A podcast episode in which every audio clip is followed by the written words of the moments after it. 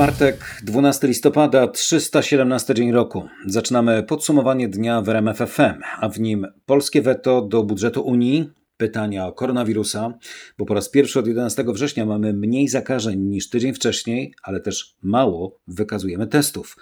Do tego podsumowanie Marszu Niepodległości, bo w tej sprawie nawet wiceprezesi Prawa i Sprawiedliwości nie mówią jednym głosem. Tomasz Stańszewski, zaczynamy, zapraszam.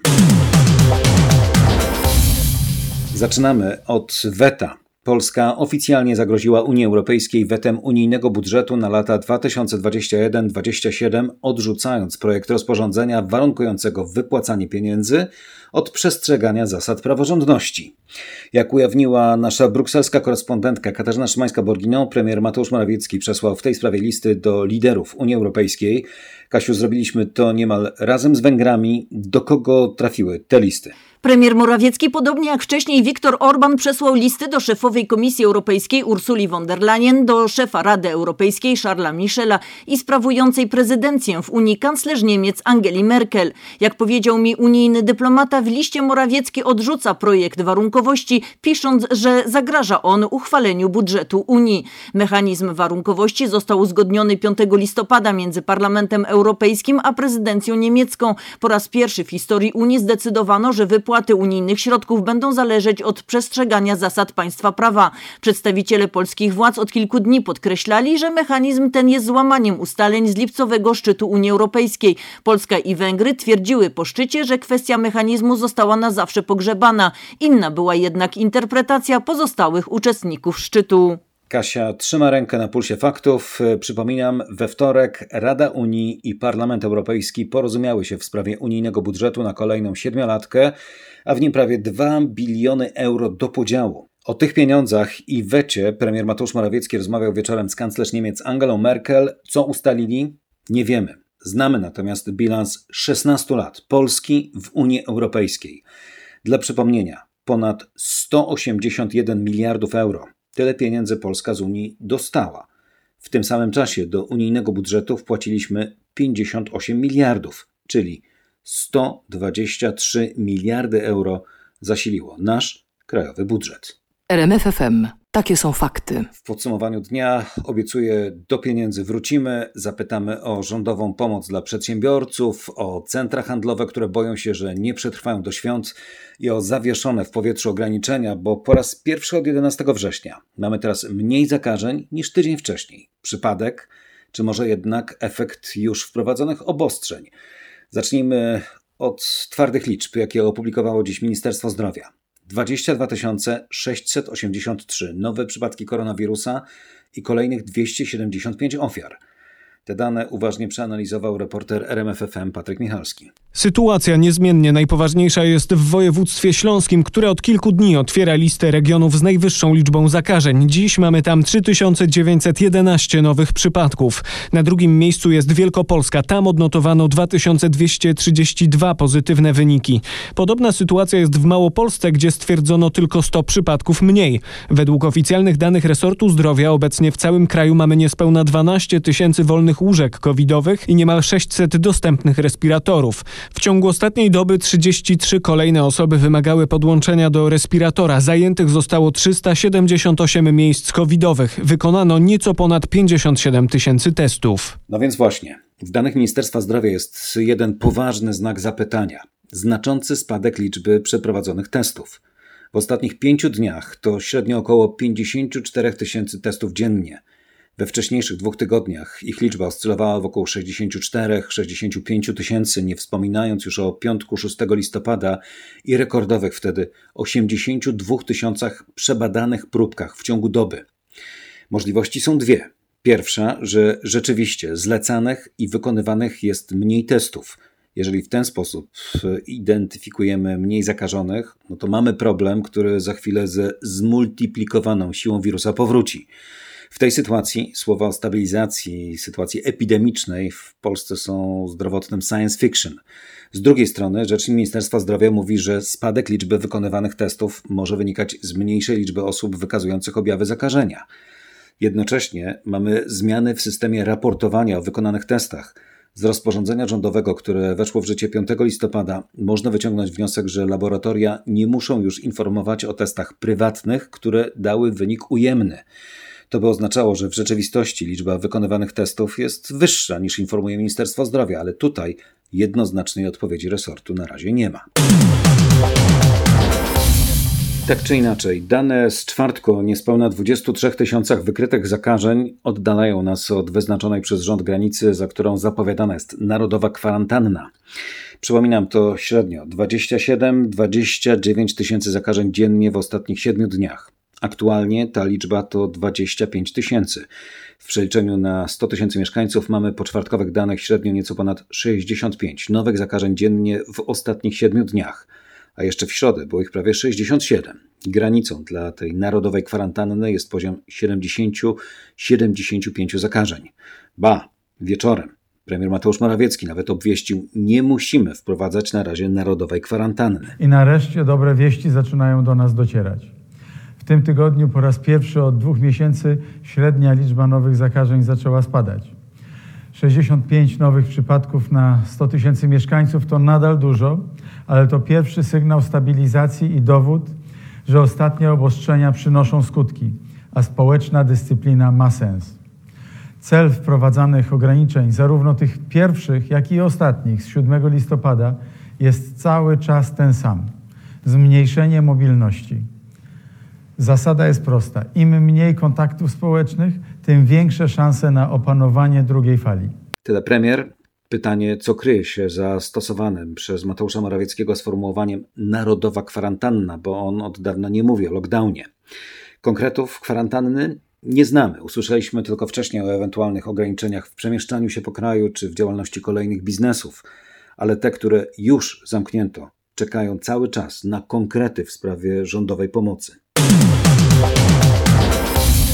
Ta dotychczasowa pomoc jest niewystarczająca i na razie sprowadza się do pustych obietnic. W podsumowaniu dnia teraz Krzysztof Berenda. Krzysztofie, czego oczekuje w tej chwili biznes? No tak na dobrą sprawę dwóch rzeczy: przewidywalności i adekwatności. Po pierwsze, przedsiębiorcy chcą, żeby rząd informował o swoich planach z wyprzedzeniem. Prosimy o więcej konsultacji przed podejmowaniem decyzji, a nie po. Mówi Wojciech Kostrzewa, szef Polskiej Rady Biznesu. Po drugie, chcą, żeby władza nie pozostawiała przedsiębiorców na lodzie. Na przykład w Austrii natychmiast ogłoszono, że we wszystkich branżach, czy to zamykanych w ramach kroczącego lockdownu, czy też mających istotne utrudnienia w funkcjonowaniu, rząd będzie refinansował część przychodu porównując do ubiegłorocznego. Mówi Rafał Sonik, właściciel kilku galerii handlowych. Te wszystkie uwagi są kierowane zarówno w stronę premiera, jak i wicepremiera, ministra rozwoju Jarosława Gowina, który teoretycznie pomoc dla firm powinien koordynować, a na razie są jedynie obietnice. Krzysztof, we wspomnianych właśnie centrach handlowych dźwięk alarmu, bo zarówno właściciele obiektów, jak i najemcy sklepów apelują wspólnie, by centra ruszyły najpóźniej do 30 listopada,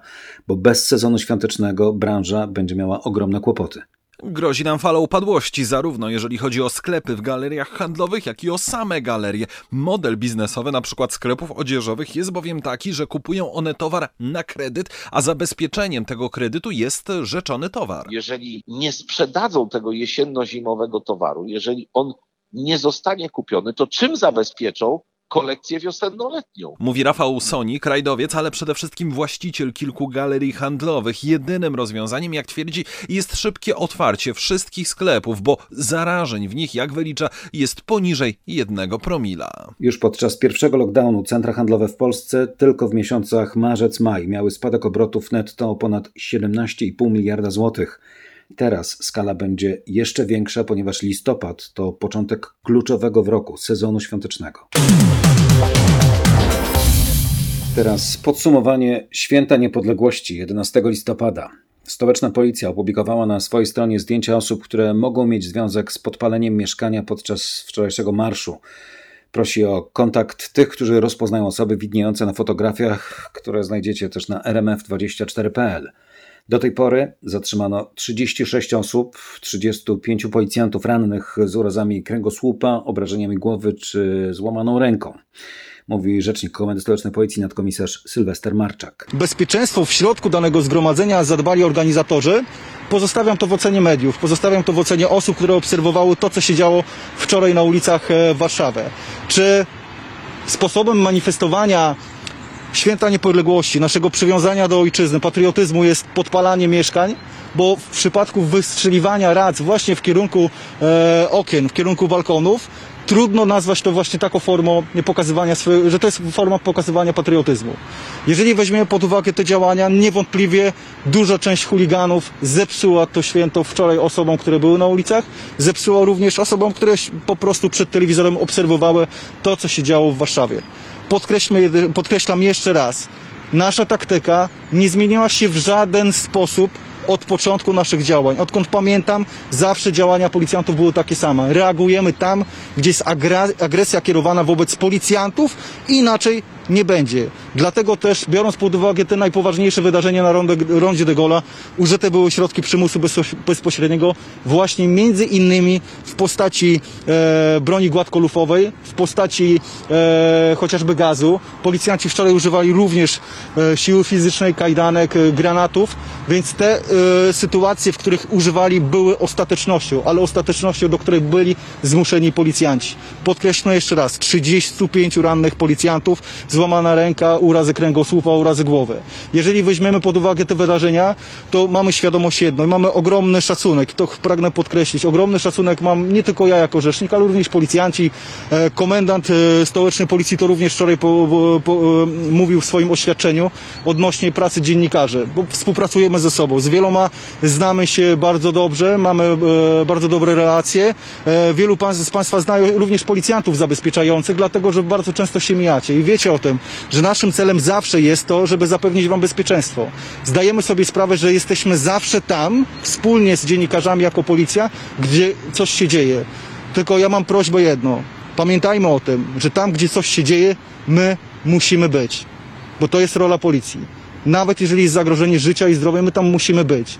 Bardzo często, niestety, tam, gdzie są używane środki przymusu bezpośredniego, pojawiają się sytuacje takie, że pomiędzy linią policjantów a osób protestujących niestety pojawiają się e, dziennikarze, fotoreporterzy. My to rozumiemy. Na ile jesteśmy w stanie pomóc, pomagamy. Ten dziennikarz, fotoreporter to Tomasz Gutry z tygodnika Solidarność. Miał do niego strzelić z kilku metrów policjant. Gumowy pocisk utkwił w jego twarzy.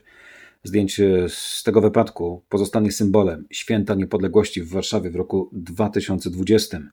Gutry ma złamane kości twarzy, założono mu tytanową płytkę. Jak przekazał Polskiej Agencji Prasowej, będzie walczył o taką sumę odszkodowania, by policja oduczyła się takich działań. Od wczoraj Wydział Kontroli Policji prowadzić ma działania wyjaśniające przyczyny tego zdarzenia, a Warszawa od wczoraj sprząta. Prezydent miasta Rafał Trzaskowski mówi o kilkuset tysiącach złotych strat, ale zaznacza, że ich szacowanie trwa. Ja bym bardzo chciał, żeby na y, 11 listopada, żebyśmy wszyscy mogli wyjść z dziećmi na ulicę y, naszego miasta i w spokoju i w bezpieczeństwie zademonstrować swój patriotyzm, a nie y, żeby 11 listopada był używany jako pretekst do burt profaszystowskich zachowań y, z cichym błogosławieństwem władzy. Rafał Trzaskowski, przypominam, w piątek nie wyraził zgody na organizację marszu, powołując się na opinię Sanepidu. W rozmowie z dziennikarzem RMFFM Patrykiem Michalskim skrytykował policję za brak konsultacji z ratuszem w sprawie zamknięcia centrum miasta.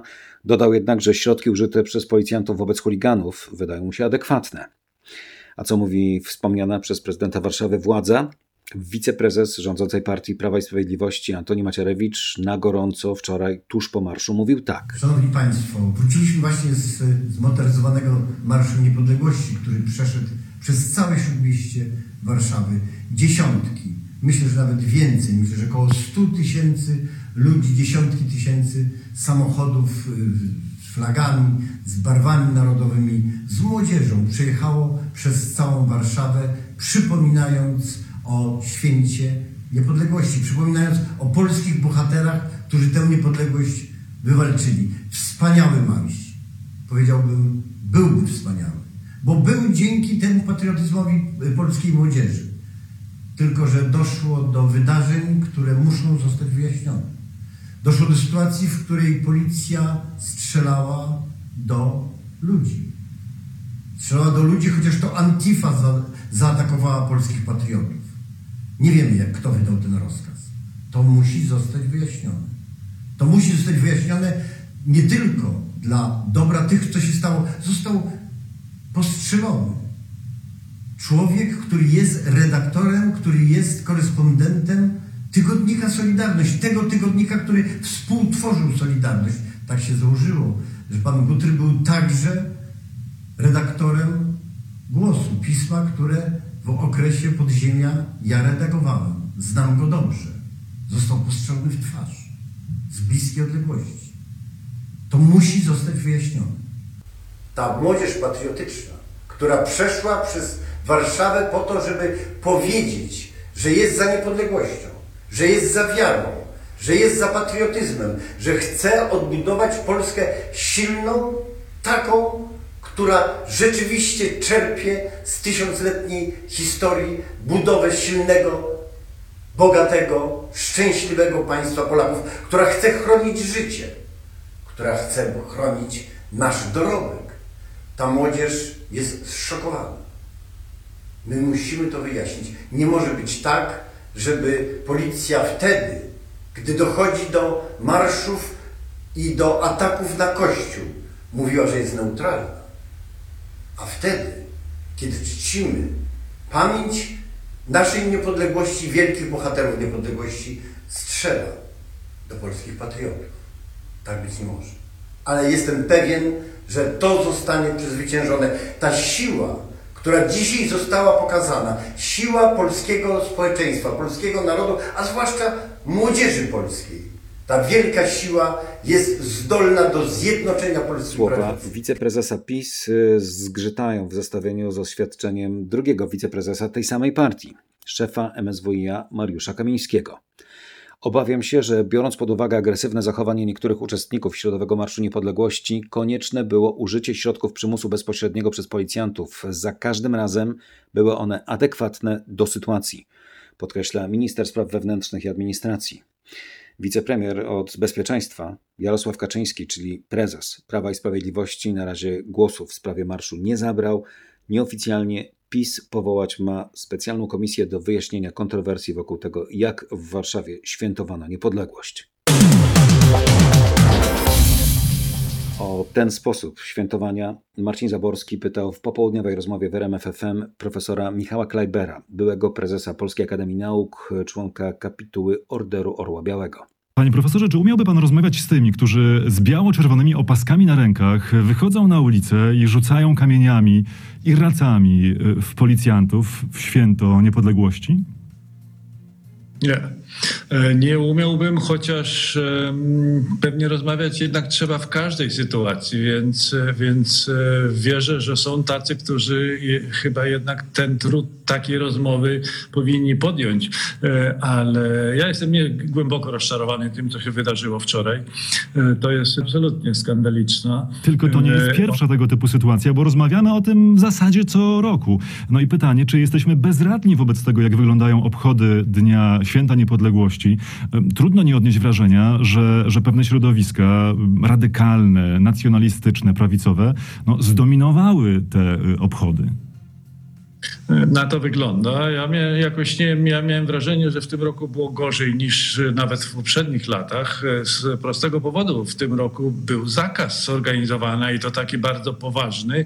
Jednocześnie poza formalną stroną było też przecież wskazanie takie czysto etyczne, że nie należy w ten sposób demonstrować. I okazuje się, że jednak tysiące osób nie, posłuchało się w ogóle tych zakazów i e, demonstracja miała charakter w moim przekonaniu wyjątkowo skandaliczny. E, Tutaj e, rzeczywiście to, co się działo w poprzednich tygodniach ze strajkiem kobiet i tak dalej, to wpłynęły pewnie dodatkowo na emocje, ale to nie jest żadne usprawiedliwienie. Ja uważam, że należy zrobić wszystko, żeby zapobiec na przyszłość takim wydarzeniom. Jak to zrobić, w jakim stopniu e, powinna tu policja działać, a w jakim stopniu powinno się użyć inne środki, w szczególności e, właśnie sposób rozmowy, e, to jest e, oddzielna sprawa, ale coś trzeba zrobić. Profesor Michał Klejber, członek kapituły Orderu Orła Białego. No właśnie, panie profesorze, kiedy kapituła Orderu Orła Białego y, zajmie się sprawą kardynała Henryka Gulbinowicza? Ja muszę powiedzieć e, od razu na wstępie, że mm, e, potępiam wszelkie przejawy mm, takich przestępstw seksualnych, w szczególności pedofilii. E, I tutaj nie ma żadnej wątpliwości, że w stosunku do osób, które mają udowodnione tego typu przestępstwa, powinny być wyciągane daleko idące konsekwencje. Ale w tej konkretnej sprawie, a może jeszcze coś. Też dla mnie nie ulega wątpliwości, że Kościół stoi przed poważnym wyzwaniem, ponieważ e, istnieje cały szereg spraw, które obciążają konto Kościoła, jeśli chodzi właśnie o zachowania księży i to często hierarchów e, bardzo ważnych. A propos tych ważnych hierarchów Kościoła, kardynał Stanisław Dziwisz w oświadczeniu dla włoskiej agencji ANSA stwierdza, że stawiane mu zarzuty są zniesławiające i mają na celu podważenie jego pokornej służby na rzecz świętego Jana Pawła II. Zapewnił, że nigdy nie przyjmował pieniędzy. Włoska agencja ANSA przytoczyła oświadczenie byłego osobistego sekretarza polskiego papieża w reakcji na dokument TVN24 Don Stanislao, druga twarz kardynała Dziwisza. Z jednej strony osobisty sekretarz i przyjaciel Jana Pawła II, którego boku spędził kilkadziesiąt lat, z drugiej, jak twierdzą cytowani rozmówcy, potężny hierarcha, szara eminencja, która potrafi zadbać o specyficznie rozumiany interes Kościoła, także wtedy, gdy chodzi o sprawy dotyczące ofiar pedofilii. Trzymając się faktów, Państwowa Komisja do Spraw Pedofilii nadal nie działa, mimo upływu niemal półtora roku od zapowiedzi jej powołania. Urząd, który miał się zająć badaniem przypadków molestowania małoletnich, wciąż nie wyszedł poza fazę przygotowań. Komisja nie zaczęła też jakichkolwiek działań w sprawach, które miała wyjaśniać. Przypomina o tym Tomasz Skory. Tomku, co w takim razie robi dziś komisja? Czym się zajmuje? Głównie przetargi, innymi na komputery, materiały biurowe i środki czystości. Chociaż brzmi to absurdalnie, na takie właśnie ogłoszenia trafia się otwierając na internetowej stronie Urzędu Komisji pod stronę Co robimy. Podstrona o nas zawiera zaś tylko nazwiska siedmiorga członków komisji bez żadnych szczegółów. I to wszystko. Na stronie Urzędu Komisji nie ma ani słowa o jakichkolwiek działaniach merytorycznych w sprawie przypadków pedofilii. Nie ma też podanego ani adresu, ani telefonu, ani żadnego innego sposobu na skontaktowanie się z komisją i przekazanie jej jakiejkolwiek sprawy związanej z molestowaniem małoletnich. Ta komisja widmo działa w ten sposób już czwarty miesiąc, bo powołana została w lipcu. Jej stworzenie premier zapowiedział zaś w maju ubiegłego roku, 18 miesięcy temu. Od tego czasu efekt jej działań to absolutne zero. Rząd zajęty jest w dalszym ciągu reorganizacją po rekonstrukcji. Przypominam, po zmianach w rządzie liczba resortów zmniejszyła się do 14. Zlikwidowane zostało m.in. Ministerstwo Gospodarki Morskiej i Żeglugi Śródlądowej. Marek Grubarczyk zakończył ministerialną wachtę, a dziś w wykazie prac legislacyjnych programowych Rady Ministrów pojawiły się założenia projektu rozporządzenia rządu w sprawie powołania pełnomocnika do spraw, uwaga, gospodarki wodą oraz inwestycji w gospodarce morskiej i wodnej. Projekt ma przygotować resort infrastruktury. Jednocześnie rząd powołać chce Główny Urząd Inwestycji Morskich. No i zamiast jednego zlikwidowanego ministerstwa będziemy mieli nowo powołanego pełnomocnika z zestawem nowo powołanych zastępców i jeszcze cały nowy urząd od morskich inwestycji z całym rzędem nowych urzędników. Taka reorganizacja po rekonstrukcji. A na koniec e, jeszcze jedno pytanie do premiera. Pytanie do premiera Włoch. Czy jeżeli wszystko zamkniesz, pozwolisz świętemu Mikołajowi przynieść mi prezent, pyta Giuseppe Contego, pięciolatka z Werony Cristel. Ciao Presidente Conte, eh, io sono, mi chiamo Cristel e vengo da Verona. E, e, la mia mamma lo sai Ta dziewczynka miała pozytywny wynik na COVID-19 pod koniec października. Pozostawała w izolacji, nadal uskarżając się na objawy choroby. Mama przekazała zatem list Kristel do premiera, zaznaczając, że ona już boi się lockdownów i tego, że nie będzie mogła ponownie zobaczyć swoich przyjaciół. Wraz ze zbliżaniem się świąt boi się też tego, że święty Mikołaj również nie będzie mógł się poruszać i nie przyniesie prezentów. Zrozumiała, że decyduje o tym właśnie premier Conte i dlatego zwróciła się z apelem bezpośrednio do niego. Premierze Conte, Będziesz taki miły dla mnie i dla wszystkich grzecznych dzieci i zgodzisz się na to, by dzieci mogły dostać prezenty zarówno 13 grudnia, w obchodzoną w części Włoch jako ich świętą uroczystość świętej Łucji, jak i na Boże Narodzenie oraz oczywiście w Trzech Króli, gdy również dzieci dostają podarunki.